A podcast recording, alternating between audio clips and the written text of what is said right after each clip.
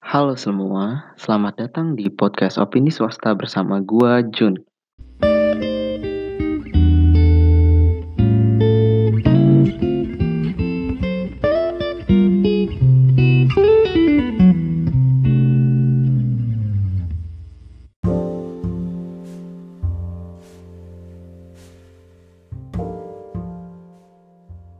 Oke, di episode kali ini gue bakal ngomongin hal yang mungkin apa ya sebagai refleksi diri di mana gue udah berkuliah di SBM ITB selama dua setengah tahun ini.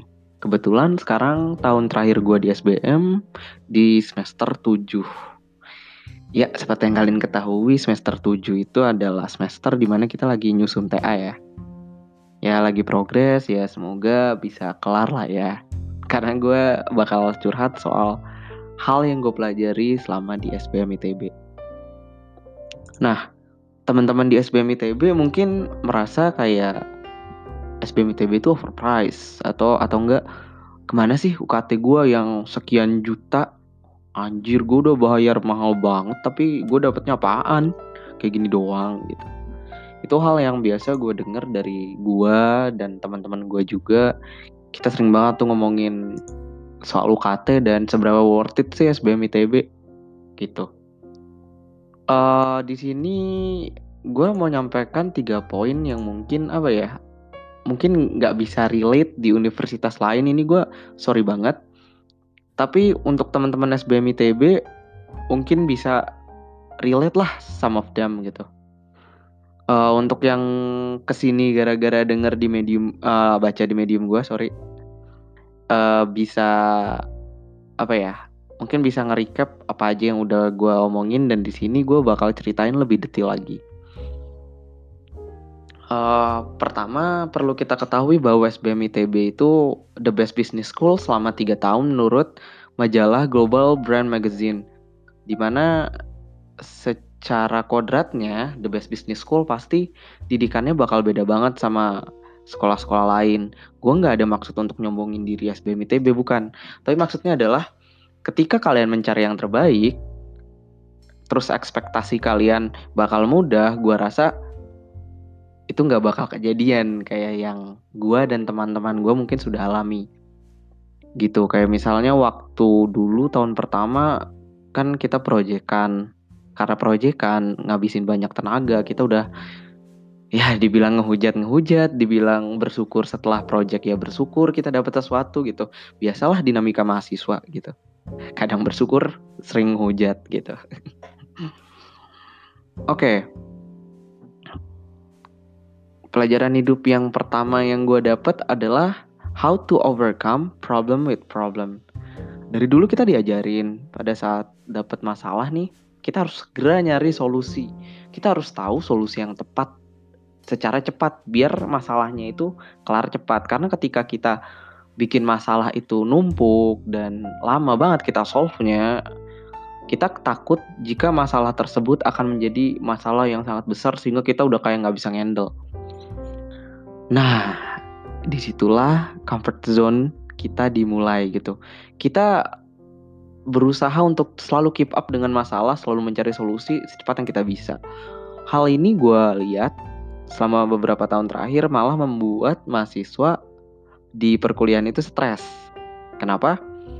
Karena ketika mereka nggak tahu solusinya apa, mereka bakal curhat, terus kadang curhat nggak dapet solusi, mereka cari di internet, cari insight dan nggak dapet, sehingga kadang-kadang memunculkan mental breakdown. Nah ini udah bahaya kan, maksudnya mental illness itu bukan hal yang gampang dan mudah untuk di solve gitu sehingga hal yang dalam comfort zone ini setelah gue pelajari di SBM ternyata seharusnya kita overcome problem with problem lah kok bisa masalah dengan masalah uh, mungkin ini mirip ya kayak pegadaian memecahkan masalah tanpa masalah nah kita mencoba untuk men-challenge opini bisa nggak sih memecahkan masalah dengan masalah? Jawabannya bisa. Kenapa? Karena ketika kita dapat masalah, kita yang pertama kita lakuin apa? Nyari solusi kan? Ketika nyari solusinya itu udah mentok, kita kadang ada di fase bodoh amat kayak ah ya udahlah nanti juga lewat nah kadang masalah itu nggak butuh ide brilian kalian yang yang yang masalah butuhkan agar si masalah ini bisa pergi adalah kita calm down dengan menambah masalah yang lain contoh gue dulu waktu TPB ada kayak proyekan gitu dari kampus uh, ngorganisir salah satu event bareng teman-teman gue yang namanya Young Investor Summit. Itu dalam perjalanannya banyak banget gila masalahnya. Mulai dari perizinan, dari pembicara, dan kita kesulitan narik masa, jumlah panitia yang sangat terbatas. Wah, gila sih. Dan itu semua untuk nilai. Maksudnya, gue bu bukan bilang kita melakukan itu semata-mata untuk nilai, enggak. Tapi kita punya tanggung jawab di situ, berupa nilai masalahnya yang pertama udah banyak banget kan tadi gue udah cerita tuh dari panitia dan kawan-kawan masalah lain datang ketika dosen menyuruh kita untuk memecah grup sehingga beberapa anggota grup harus membuat proyeknya sendiri di sinilah masalah kedua dimulai padahal kita lagi mecahin masalah pertama nih solusinya gimana dan ternyata setelah dua masalah itu sekalian jalan nyatanya kita bisa keep up dengan apa? Dengan kejadian dua masalah berat itu menghajar kita, kita dituntut untuk calm down, berpikir tenang, dan melihat kira-kira harus ngapain nih. Ketika kita nggak tahu ngapain ya udah jalanin aja, ikutin aja mau dosen apa, mau panitia apa, maunya penyedia stage itu apa. Jadi instead of langsung kayak ngeluh dan ngehujat, kita kayak ya udahlah, kita bisa ngadepin. Masalahnya udah dua kita nggak mau nambah lagi nih udah cukup nih dua dulu gitu. Dan setelah gue relate ke kehidupan organisasi gue set setelah tahap persiapan bersama atau tahun pertama gue ngerasa hal-hal yang nyelesain masalah dengan masalah itu work banget sama gue kayak apa ya jadinya kita tuh lebih produktif aja dalam mecahin masalah instead of reaktif kayak kayak kebanyakan cara yang kita lakuin dulu gitu jadi kita bisa keluar dengan comfort zone yang pertama adalah dengan cara men-challenge diri kita overcome problem with problem. Gitu. Emang agak beda sih SBM, ITB karena banyakkan praktek dibanding teori. Sedangkan universitas lain mungkin susah relate atau mungkin bisa relate, gue nggak tahu ya. Yang gue pikir uh, masing-masing univ punya cara pendekatan dalam ngasih pelajaran berharga pada mahasiswanya gitu. Nah, yang kedua yang gue dapet dari SBM ITB adalah doesn't matter who you are, you always made it to stand out while fitting in with the crowd. Itu artinya kayak pernah nggak sih ngeliat waktu SMA orang-orang yang cerdas, orang-orang yang aktif organisasi biasanya selalu punya apa ya kubu-kubu yang apaan sih? Gitu doang bangga gitu. Kayak kubu-kubu kayak gitulah. Kita stand out tapi nggak fit in. Dan malah kadang lebih banyak yang benci orang-orang yang berprestasi daripada orang-orang yang bandel gitu. Ini gue tidak mendiskreditkan pihak mana pun tapi yang gue alami seperti itu kebanyakan. Dan di sini gue mulai berpikir apa emang siswa yang baik itu siswa yang berprestasi dan dikenal banyak orang sehingga punya teman banyak. Ternyata gue salah coy di kuliah. Gimana ya? Di kuliah itu banyak orang yang nunjukin bahwa betapa hebatnya mereka. Dengan ngepost instastory mereka lagi lomba dengan ngepost instastory mereka lagi sibuk rapat rapat mulu isinya.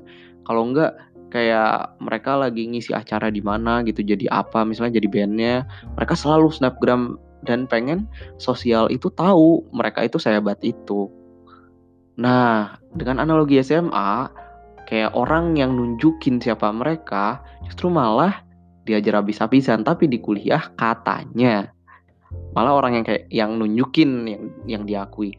Tapi ternyata itu salah. Maksudnya nggak harus kita tunjukin kita berhasil melakukan sesuatu untuk mendapat pengakuan dan fitting with the crowd. Kita bisa kelihatan normal tapi sebenarnya jauh berprestasi di atas orang normal. Itu apa ya di SBM ITB sering banget gue ngeliat orang-orang yang tipikal kayak gini nggak pernah ngasih tahu dia lagi ngapain tiba-tiba eh, lewat aja gitu levelnya dibanding orang-orang yang nunjukin mungkin orang-orang yang nunjukin bakal tersinggung ya dengar podcast gue tapi gue bodo amat sama kalian yang mungkin merasa tersinggung. Tapi ini kenyataan coy. Coba lu lebih sadar lagi kepada sekitar lu dan mungkin orang yang lu judge selama ini adalah orang yang jauh lebih hebat dari lu. Cuma mereka nggak mau nunjukin aja. Kenapa? Simply karena mereka nggak mau dibebani ekspektasi lagi kayak mungkin dulu mereka di SMA dibebanin banget karena mereka sering banget lomba, sering banget organisasi dan itu membuat trauma ya dalam diri mereka. Gue banyak kok ketemu contoh yang kayak gini. Salah satunya salah satu kakak tingkat yang udah jadi asisten manajer di PNG di bagian keuangan.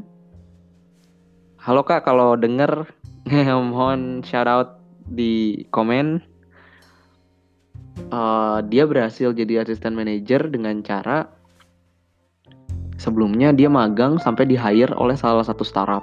Dan itu kejadiannya sebelum lulus. Kenapa gue tahu? Karena kita pas lomba ini gue sebut lombanya namanya Aviot Innovation Challenge. Di situ kakak kelasnya itu kayak sibuk banget ngerjain ini kerjaan. Dan setelah gue tanya gue tahu oh berarti ini kerjaan startup gitu. Dia awalnya dari magang sampai di hire sebagai part time. Dia ini hebat banget uh, kayak orang-orang mungkin cuma kenal dia sebagai orang yang pintar, orang-orang yang suka bergaul, tapi tidak tahu bahwa sebenarnya skill dia beyond that. Sedangkan orang di luar SBM udah tahu bahwa dia sehebat itu, sedangkan yang gue sedihnya adalah kenapa orang-orang di SBM hanya mendewakan orang-orang yang menunjukkan bahwa mereka jago gitu. Jadi untuk ngeblend sama crowd nggak mesti harus benar-benar kayak crowd, tapi kita stand out juga bisa ngeblend. Itu pilihan hidup kita. Kayak orang-orang yang nunjukin merasa alasan mereka adalah branding diri. Dan orang-orang yang gak nunjukin alasan mereka adalah gue nggak mau ekspektasi mereka too much sama gue karena ketika too much pengalaman gue mengajarkan bahwa antara kita dimanfaatkan untuk nge-carry atau kita malah di malah di apa ini ya?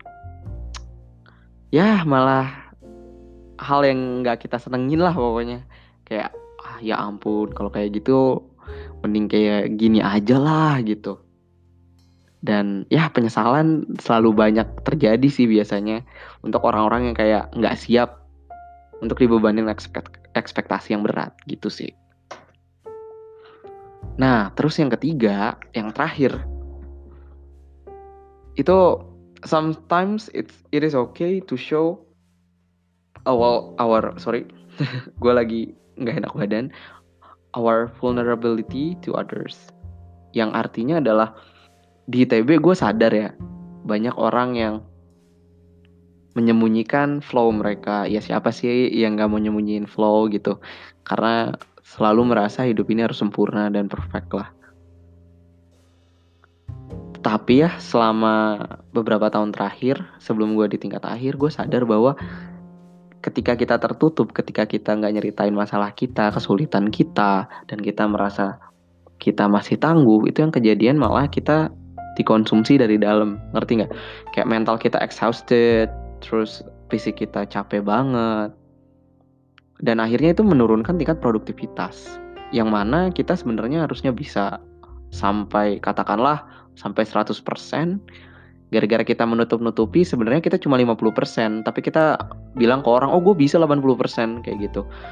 Jadinya orang mikir kepada kalian bahwa anjir nih orang nggak kompeten banget sih. Katanya jago kayak gitu. Jadi daripada orang ngejudge kalian duluan gue rasa pelajaran yang berharga adalah ketika kita merasa keberatan mending kita ngomong deh. Mending kita komunikasikan deh.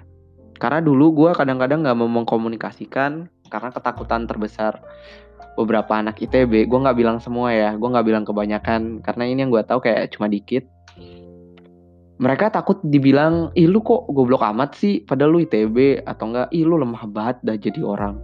Padahal udah saatnya kita menjadi dewasa atau enggak ih lu banyak banget dah gitu doang ngeluh. Gitu doang. Ngomong gini gini gini. Nah hal-hal yang kayak gini kadang membuat kita enggan untuk ngasih tahu bahwa kita sebenarnya kesulitan di bagian ini ini ini atau masalah yang paling simpel nih karena anak ITB kebanyakan ambis kita kayak enggan gitu nanya soal pelajaran ke orang lain. Kenapa? Karena ntar kita dibilang bego sama orang yang lebih ambis gitu. Gitu sih. Dan penting banget kita harus ngomong gitu. Kalau nggak ngomong, waduh, kayak di SBM itu kita ada yang namanya peer review. Jadi peer review itu punya bobot ke penilaian kita dan nggak kecil penilaiannya. Itu bisa aja bikin angka kalian yang harusnya dapat A jadi AB atau AB jadi ngedrop B kayak gitu. Itu penting banget untuk dikomunikasiin. Kalau enggak kalian bakal rugi secara nilai kalian rugi secara tenaga kalian udah capek-capek tapi kalian nggak bisa kontribusi maksimal dan orang lain pikir kalian bisa lebih dari itu. Dan itu pun apa ya menurut gue bahaya banget sih. Nggak sehat lah istilahnya kayak gitu.